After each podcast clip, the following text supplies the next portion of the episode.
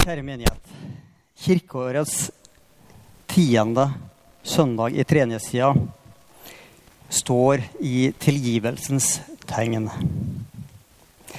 Og i den anledning ønsker jeg å trekke inn en litt dramatisk hendelse som har prega landet vi bor i, som et eksempel. I 2004 ble politimannen Arne Sigve Klungland skutt og drept under Nokas-ranet i Stavanger.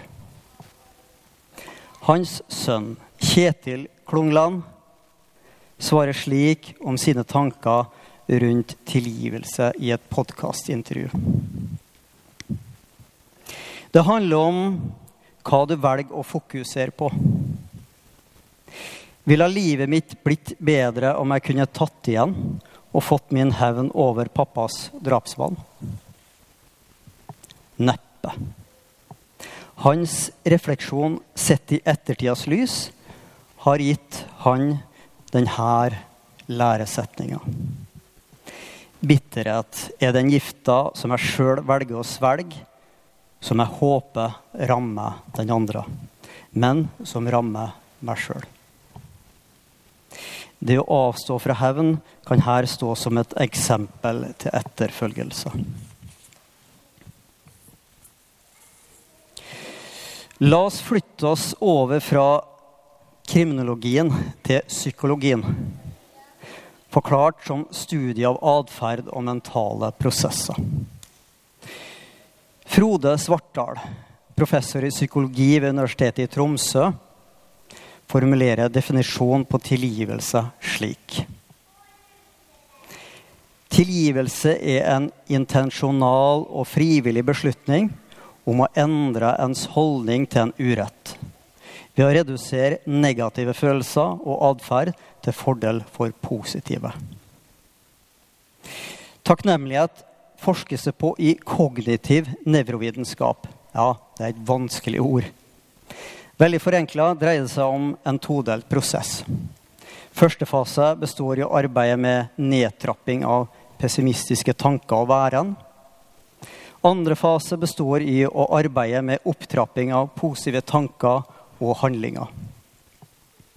Svartdal henviser til en amerikansk undersøkelse blant 158 universitetsstudenter, hvor tilgivelse har vist god effekt på psykisk helse.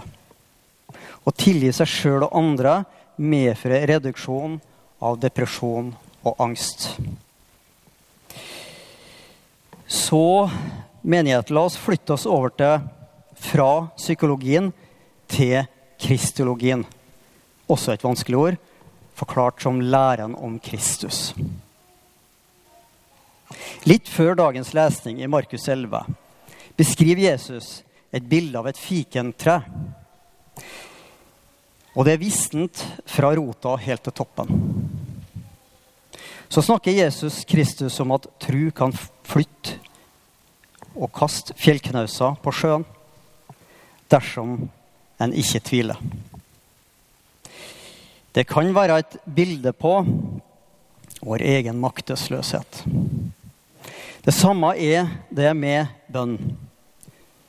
Tru på det du ber om, og du får det. Altså, her forstår vi at tilgivelse har sammenheng med bønn til Gud. Bønn styrker vår evne til å tilgi. Om vi ikke tilgir nesten, kan heller ikke vi regne med at Gud tilgir oss. Det følger også av bergpreken Matteus 6, sitat, Tilgi oss vår skyld, slik også vi tilgir våre skyldere. Vår bønn og relasjon til Gud har sammenheng med forholdet til våre neste. Og vår relasjon med hverandre gjenspeiler vårt forhold til Gud. Det kan jo ikke oppstå situasjoner hvor noen ikke vil tilgi oss. Det vil si, det kan jo oppstå. Og hva gjør vi da? Kanskje kan vi lære av Jakob i første Mosebok, som lå i strid med bror sin Esau over mange år. Jakob var ikke Guds beste barn. og hadde lurt til seg førstefødselsretten. I norsk forståelse kan vi kanskje si at det er å lure til seg odelsretten til familiegård. I forkant av møtet mellom brødrene bestemmer Jakob seg for å sende Esau gaver. I hyllest og ydmykhet overfor sin skadelidte bror. Det går rimelig bra til slutt. De forsones. Nøkkelordene henter innsikt fra Efeserbrevet 4.30. Her overlates kjærlighets- og tilgivelsesarbeidet til Den hellige ånd. I ham ble dere merket med seilet, Den hellige ånd, som var lovet oss.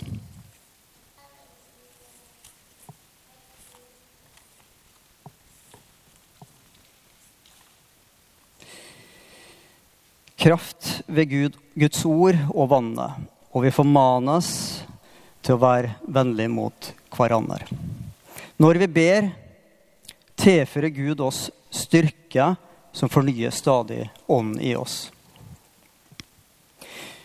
Guds velsignelse over hver enkelt av oss kommer til seg med sin nåde. Det er ikke et verk vi klarer alene. Det kommer til oss utafra og ovenfra.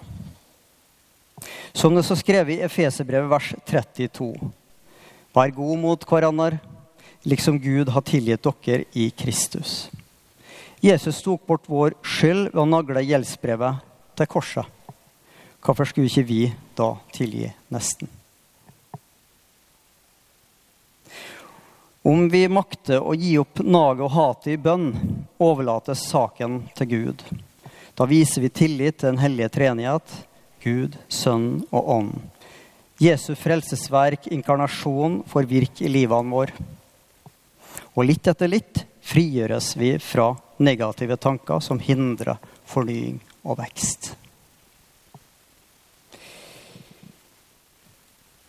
Den ufortjente nåden, skriver den avdøde svenske biskopen Bo Gjerts, kommer til den som bare ønsker det Gud vil gi. Gud virker gjennom oss og hører våre bønner. Den som begjærer bare det Gud vil, kan få oppleve underfylte ting. Tro på bønnhørelse betyr ikke at vi kan tvinge Gud. En kan f.eks. ikke be om bønn om hevn. Den som ikke vil tilgi, er sjøl utafor tilgivelsens rike, skriver han. Og det er nettopp i det riket som allting er mulig. Ære være Faderen og Sønnen og Den hellige ånd, som var og er og være skal en sann Gud fra evighet og til evighet.